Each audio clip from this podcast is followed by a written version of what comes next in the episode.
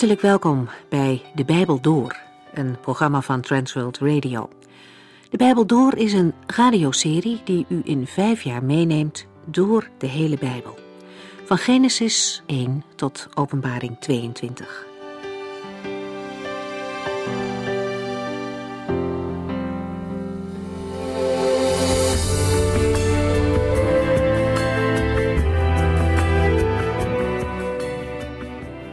Mocht u meer informatie willen hebben over deze serie en misschien ook over de andere activiteiten van Transworld Radio, kijkt u dan op onze website transworldradio.nl of belt u overdag 0342 478432.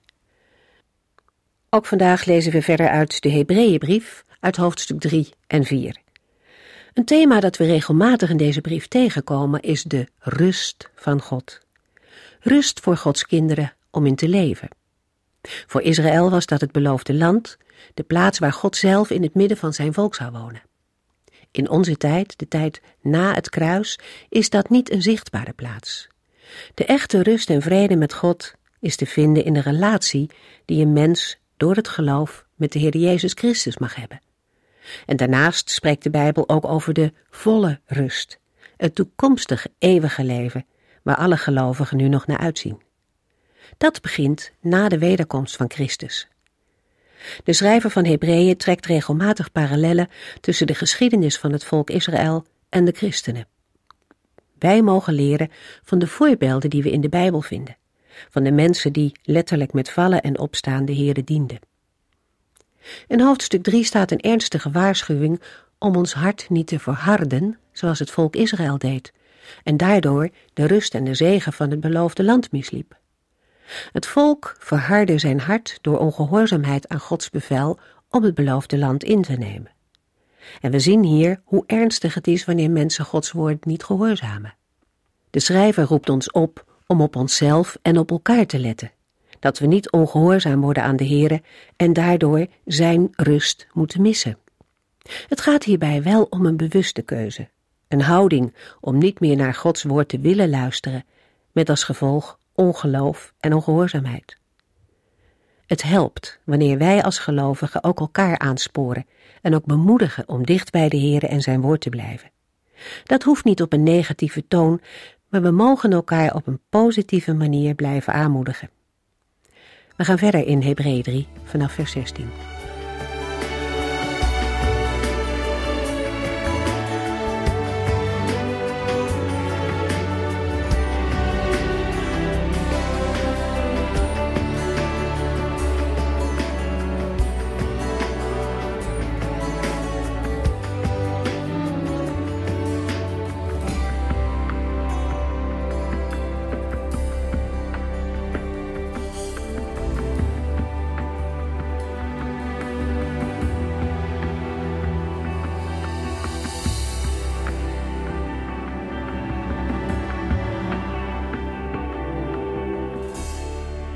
De vorige uitzending sloten we af met het lezen van Hebreeën 3, vers 14 en 15, waar we lazen: Als wij Christus van het begin tot het einde trouw blijven, delen wij in alles wat Hij heeft.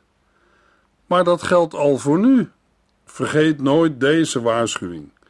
Luister vandaag naar wat Hij u zegt en sluit uw hart niet af voor Hem, zoals de mensen in der tijd deden. De gelovigen zijn deelgenoten geworden van Christus. De woorden wijzen erop dat de gelovigen samen met Christus deel hebben aan het koninkrijk van God. De woorden delen wij in alles wat Hij heeft, spreken van broederschap, van een band en verbondenheid. Immers, de gelovigen vormen samen het lichaam van Christus. Maar dat geldt al voor nu, geeft aan dat de gelovigen nu al in bezit hebben wat Christus heeft. Toch geeft de volgende zin aan dat er een voorwaarde is. Zij moeten Christus van het begin tot het einde trouw blijven. Aan de ene kant hebben gelovigen het eeuwige heil in Christus al ontvangen. Aan de andere kant is er volharding nodig om de belofte van de Here te ontvangen. In Hebreeën 10, vers 35 en 36 lezen we: Laat de moed niet zakken, want als u de Here trouw blijft, krijgt u een grote beloning. U moet volhouden om de wil van God te doen. Als u dat doet, krijgt u wat Hij heeft beloofd. De woorden tot het einde trouw blijven is in veel Bijbelvertalingen weergegeven met verzekerdheid. Het Griekse woord is moeilijk te duiden omdat het een breed begrip weergeeft. Het betekent vertrouwen, verzekerdheid, basis, grondslag, fundament en wezen. We zullen vanwege de overeenkomst van vers 14 met vers 6 het beste kunnen vertalen met trouw blijven of vertrouwen of zekerheid. Bij de woorden het begin kunnen we dan denken aan het vertrouwen op Christus, toen we Christus werden, het eerste geloof. Tot aan het einde heeft in eerste instantie betrekking op het einde dat intreedt bij de komst van Christus en pas in tweede instantie op het levenseinde van de individuele gelovige. In vers 15 wordt het citaat uit Psalm 95, vers 7 en 8 herhaald. Nu ingeleid met: Vergeet nooit deze waarschuwing. Een gebruikelijke manier om een Bijbelwoord in te leiden. Er bestaat meningsverschil over de vraag of dit vers nog moet worden beschouwd als een uitleg van vers 13 of als een inleiding voor vers 16. In het eerste geval maakt de schrijver nog eens duidelijk dat zijn woorden in vers 13 een profetische basis in het Oude Testament hebben. In het tweede geval onderbreekt de schrijver met dit citaat de vermaning van vers 13 en 14, om nu eerst te komen tot een uitleg van het hele tekstgedeelte uit Psalm 95. De uitwerking van deze uitleg vinden we dan in Hebreeën 3 vers 16 tot en met Hebreeën 4 vers 13. De versen geven een welsprekende toespitsing van de gedachte uit Psalm 95. In het licht van onder andere de geschiedenis uit nummer 14. Hebreeën 3 vers 16. En over welke mensen spreek ik hier?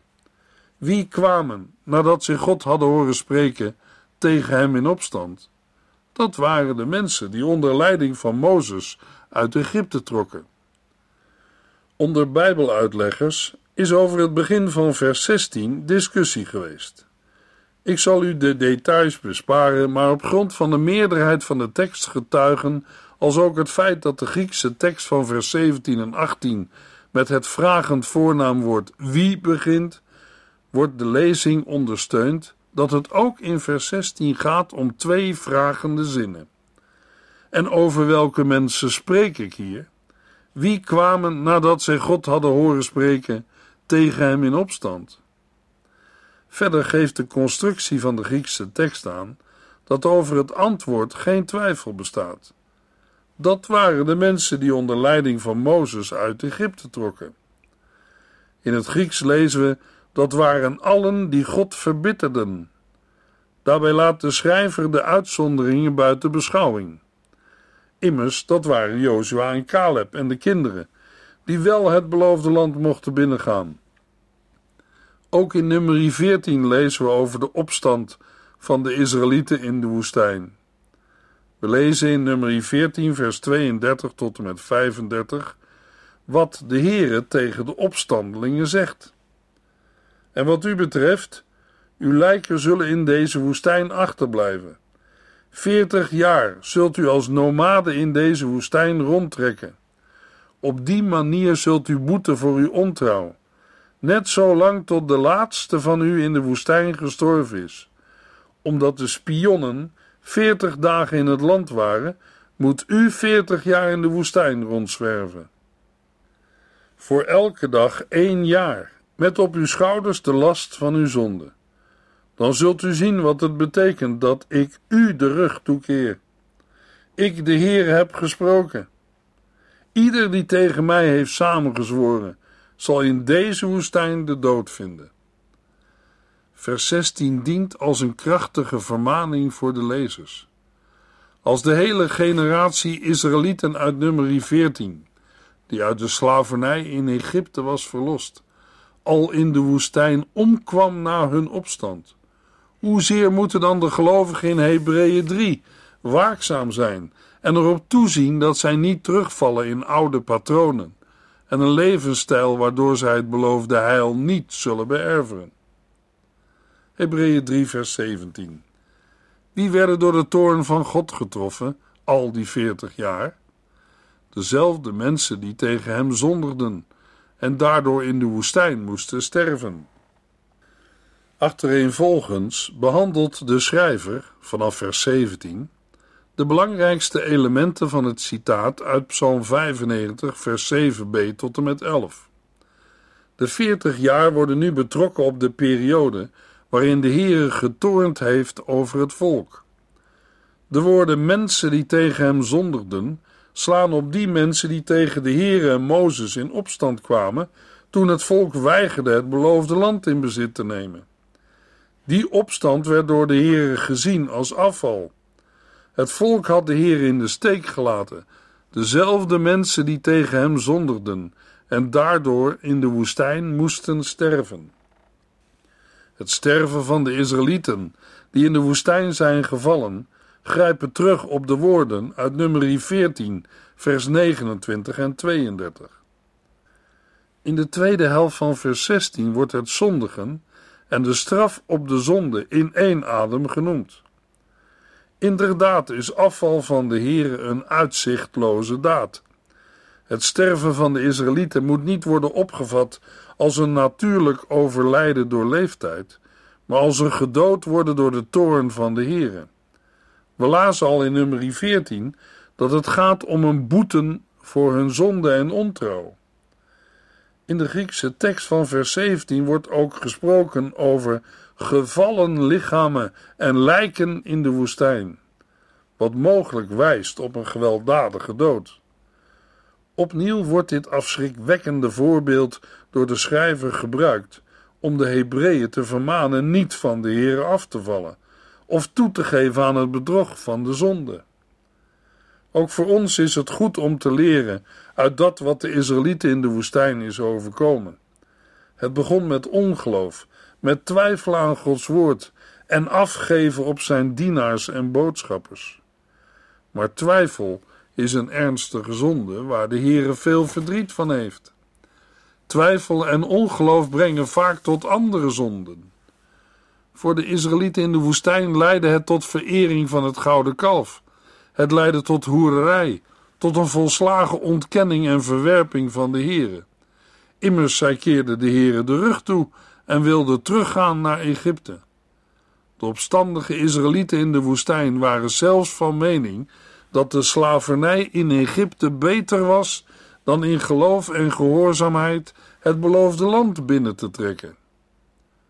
Ook vandaag kan een gelovige overvallen worden door een geestelijke matheid. Alles gaat gewoon zijn gangetje, thuis, op het werk en in de kerk. Heel gemakkelijk kan er dan een patroon ontstaan waarin een spontaan en levend geloof langzaam maar zeker een sleur wordt en de dienst van de Heere gewoon en vanzelfsprekend. Maar dat is een gevaarlijk moment. Het kan zijn dat er dan sprake is van het opgeven van de eerste liefde. Aan de andere kant kan er ook opstand komen in het hart van een gelovige. Dat kan door de zorgen van het leven, of omdat er dingen gebeuren die een geweldige indruk op je leven achterlaten. Je verliest je man, je vrouw, een kind, of een dierbare vriend of vriendin. Hoe moet het nu verder? Een mens wordt ziek en de dokter vertelt: U wordt niet meer beter. Er kunnen in een mensenleven heel wat stormen losbarsten. Stormen die ook je geloofsleven onder druk zetten. En voordat een mens het bewust in de gaten krijgt, komt er bitterheid in je hart. Mogelijk vragen aan God, bijvoorbeeld: waarom moet mij dit overkomen? Waarom heeft de Heer niet ingegrepen? Net zoals bij de Israëlieten in de woestijn. In nummer 14, net nadat de tien verspieders negatief verslag hebben gedaan van hun verkenningstocht door het beloofde land, komt het volk in opstand. Er waren toen maar vier mannen uit het volk, Mozes, Aaron, Jozua en Caleb, die op de Heere bleven vertrouwen. Mozes roept het uit in nummer 14, vers 9. Mensen, kom toch niet in opstand tegen de Heer. Wees niet bang voor de inwoners van het land Wij zullen hen overwinnen, want zij zijn als brood voor ons. De Heere staat aan onze kant en beschermt hen niet langer. Daarom moeten wij niet bang voor hen zijn. Luisteraar, laten wij hiervan leren en geestelijk niet verslappen. Hebreeën 3 vers 18 En tegen wie sprak God toen hij onder Ede verklaarde dat zij nooit de rust en de vrede zouden krijgen die hij zijn volk beloofd had? Natuurlijk tegen al die mensen die hem ongehoorzaam waren. De inhoud van Gods eed was dat de ongehoorzamen nooit de rust en vrede zouden krijgen. Met de rust en vrede werd in eerste instantie het in rust, vrede en veiligheid bewonen van het land Canaan bedoeld. In werkelijkheid werd deze rust in het land Canaan, het beloofde land, niet verwezenlijkt. In Micha 2 vers 10 zegt de profeet Micha tegen het volk, tegen Israël en Juda, Sta op, wegwezen, dit is niet langer uw land, want u hebt het met uw zonde gevuld en daarom zult u op een vreselijke wijze omkomen. De profeten profeteerden al over een volmaakte rust, die zou aanbreken met het Messiaanse vrederijk. De schrijver van Hebreeën interpreteert in Hebreeën 4 vers 4 en 5 de rust en vrede als de persoonlijke rust die de Heere heeft en waarin ook de gelovigen zullen delen. De mensen die hem ongehoorzaam waren, zijn identiek met de mensen die tegen hem zondigden. De woorden van vers 18 zijn ontleend aan Deuteronomium 1, vers 26. Het gaat daar om de weigering het beloofde land binnen te trekken en het bevel van de Heere te gehoorzamen. Ongehoorzaamheid is een gevolg van ongeloof. De nauwe samenhang tussen ongeloof en ongehoorzaamheid vinden we ook in het Nieuwe Testament. Bijvoorbeeld in Johannes 3, vers 36, waar we lezen: Wie zich aan de zoon toevertrouwt, heeft eeuwig leven. Wie de zoon ongehoorzaam is, zal dat leven niet ontvangen. Integendeel, de straf van God blijft op hem rusten. Een ander voorbeeld lezen we in 1 Petrus 2, vers 7 en 8. Voor u die op hem vertrouwt, is hij kostbaar. Voor mensen die niets van hem willen weten, geldt wat in de boeken staat. De steen die door de bouwers was afgekeurd, is juist tot de hoeksteen geworden. Zo is Christus niet alleen de onmisbare hoeksteen geworden, hij is ook de steen waarover men struikelt en waaraan men zich stoot. Dat laatste geldt alleen voor de mensen die niet naar hem willen luisteren, die weigeren hem te gehoorzamen. Luisteraar, bij welke groep mensen hoort u? Bij de mensen die de Heere vertrouwen, of bij hen die niets van hem willen weten? De gevolgen lezen we in het volgende vers. Hebreeën 3, vers 19. En waarom konden zij die rust en vrede niet krijgen? Omdat zij hem niet wilden vertrouwen. In vers 19 wordt de conclusie aangegeven die de gelovigen kunnen trekken uit de citaten en aanhalingen uit het Oude Testament en de bewijsvoering van de schrijver. Ongeloof aan het spreken van God en de Heere niet vertrouwen was er de oorzaak van dat de Israëlieten het land niet konden binnengaan. In de Griekse tekst staat ongeloof met opzet achteraan om het extra nadruk te geven. In nummer 14 vers 11 beklaagt de Heer zich over het volk. Zullen ze mij ooit geloven na alle wonderen die ik onder hen heb gedaan? En in Deuteronomium 1 vers 32 zegt Mozes over dezelfde episode: Maar wat ik ook zei, het hielp niets. U weigerde de Heere onze God te geloven, hoewel hij u de hele weg had geleid en de beste kampplaatsen voor u had uitgezocht. Overdag ging hij voorop in een wolk en s'nachts in een zuil van vuur. Ongeloof is in dit verband wantrouwen tegenover de Heere, die van zijn kant zijn liefde aan het volk had bewezen, doordat hij hen met grote tekenen en wonderen uit Egypte had geleid. Door de verbinding te leggen tussen ongehoorzaamheid en ongeloof wordt vers 19 tot een waarschuwing voor de gelovigen, opdat ze wel zullen luisteren naar de stem van de Heere, de verkondiging van het evangelie. Hebreeën 4 vers 1 Hoewel Gods belofte nog altijd geldt, de belofte dat God ons allen in zijn rust op zal nemen, moeten wij ervoor zorgen dat niet sommigen de indruk zouden wekken er geen deel aan te hebben. Dat de bewuste generatie van het volk Israël het land niet kon binnengaan door hun ongeloof, is inderdaad een ernstige waarschuwing voor Joodse en niet-Joodse christenen. De Griekse tekst van vers 1 begint met de woorden: Laten wij vrezen. Die woorden zijn niet bedoeld om de lezers angst in te boezemen, maar wel om hen af te brengen van onverschilligheid of oppervlakkigheid. Immers alleen door te volharden in hun geloof in Jezus Christus zullen de gelovigen de verworven redding door Christus verkrijgen en delen in zijn heerlijkheid. Aangezien de belofte van rust nog niet volledig in vervulling is gegaan, moet een definitieve vervulling nog komen. Nog steeds is Psalm 95, vers 7 van kracht. Het heden zo gij zijn stem hoort, of luister toch elke dag naar wat hij u zegt. Met de woorden zijn rust is de rust bedoeld die de Heere zelf heeft. Bij de wederkomst van Jezus Christus zullen de gelovigen deelgenoot worden van deze rust. In plaats van de rust in Canaan, het beloofde land, verwachten de gelovigen een hemelse rust in een hemels vaderland en het hemelse Jeruzalem. De woorden wij moeten ervoor zorgen dat niet sommigen de indruk zouden wekken er geen deel aan te hebben, zijn een extra versterking van de waarschuwing niet te verslappen. Niemand moet ook maar de indruk wekken geen deel te hebben aan de beloofde rust van de Heere. Zelfs de schijn is ernstig genoeg. Er geen deel aan hebben betekent dat de belofte aan hem of haar voorbij is gegaan. Hebreeën 4 vers 2 Want dit goede nieuws heeft ons net zo bereikt als de mensen in de tijd van Mozes. Maar zij hebben er niets aan gehad, omdat zij het niet geloofden. De lezers van Hebreeën worden nu direct vergeleken met de Israëlieten in de woestijn.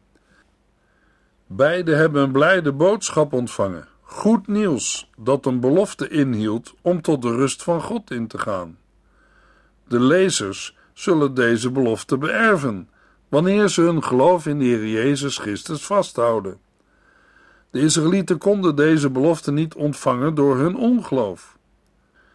De woorden, want dit goede nieuws heeft ons net zo bereikt, is een aanduiding voor de verkondiging van het evangelie van Jezus Christus. De inhoud van het volgende versdeel is duidelijk. Doordat er bij de Israëlieten geen geloof was in de hun verkondigde belofte, ging deze voor hen ook niet in vervulling. Zij die het wel geloofden, zijn in dit verband Mozes, Aaron, Jozua en Caleb. In Hebreeën is de rust, de redding en het vertrouwen op Jezus Christus als heiland en verlosser. Luisteraar, gelooft u het evangelie van Jezus Christus?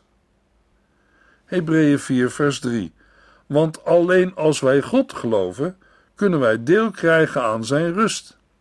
Hij heeft immers gezegd: In mijn toorn heb ik gezworen dat zij geen rust bij mij zouden vinden. Toch ligt Gods plan om hun die rust te geven al klaar vanaf het begin van de wereld. De schrijver van Hebreeën schrijft in vers 3 vanuit zijn eigen geloofszekerheid. Hij is ervan overtuigd dat de toekomstige rust ook voor hem vaststaat. Niet door eigen prestaties, maar door de genade van Christus. In het gelovig omhelzen van Christus hebben gelovigen in Hem de zekerheid en ontvangen zij door de Heilige Geest kracht om te volharden tot het einde. In vers 3 zijn de wij diegenen die toen ze de prediking van het evangelie hoorden, reageerden met geloof. Het deel krijgen aan zijn rust houdt niet in dat de lezers op dit moment al binnengaan, maar dat zij zekerheid hebben om in de toekomst, op de dag van de mensenzoon, zullen ingaan. De woorden toch ligt Gods plan om hun die rust te geven, al klaar vanaf het begin van de wereld, dient om te bewijzen dat de rust van de Heer al lang klaar ligt voor de gelovigen. Om te beginnen herhaalt de schrijver daarmee de eed van de Heere uit Psalm 95, vers 11. Daarmee wil hij aantonen dat de rust van God er altijd al is geweest. Ook al hebben velen die rust niet gevonden, omdat zij de Heere niet geloofden. Dat de rust van God er al was vanaf het begin van de wereld, mag blijken uit Genesis 2, vers 2, waar de Heere rustte op de zevende dag. Vanaf dat moment, vanaf de grondlegging van de wereld, is de rust van God begonnen. De belofte dat God ons allen in zijn rust zal opnemen, houdt in dat de gelovigen mogen delen in de rust die God zelf geniet. Luisteraar, mag u delen in de rust van de Heer? Hebreeën 4, vers 4. Dat weten wij omdat er in de boeken staat dat God op de zevende dag uitrustte. Alles wat hij wilde maken was klaar. In vers 4 wordt met behulp van een citaat uit Genesis 2, vers 2 aangetoond dat al Gods werken op de zevende scheppingsdag voltooid waren en dat de Heere sindsdien rust. Door sommige Bijbeluitleggers wordt opgemerkt dat in Genesis 1 alle dagen van de scheppingsweek worden afgesloten met het werd avond en het werd weer morgen. Maar bij de zevende dag ontbreekt deze toevoeging. Met andere woorden, de zevende dag werd niet afgesloten en Gods sabbat is nooit opgehouden. Daarover meer in de volgende uitzending. Over Hebreeën 4, vers 5 tot en met 13.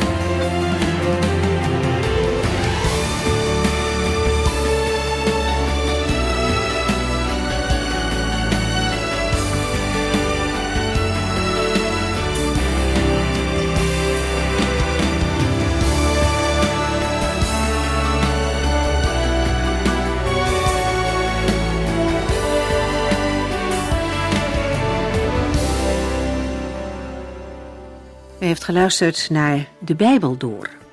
In het Nederlands vertaald en bewerkt door Transworld Radio. Een programma waarin we in vijf jaar tijd de hele Bijbel doorgaan. Als u wilt reageren op deze uitzending of u heeft vragen, dan kunt u contact met ons opnemen. Tijdens kantooruren kunt u bellen op 0342 47 8432. 0342 47 8432. 32. Ook kunt u een e-mail sturen naar de Bijbel door transworldradio.nl en natuurlijk kunt u ook via de post ons bereiken. TWR, postbus 371, postcode 3770, AJ in Barneveld. Dit programma werd gepresenteerd door Cor Weda en Ike André. Techniek was in handen van Odin van Woerdenkom. En namens ons allemaal bedanken we u van harte voor het luisteren.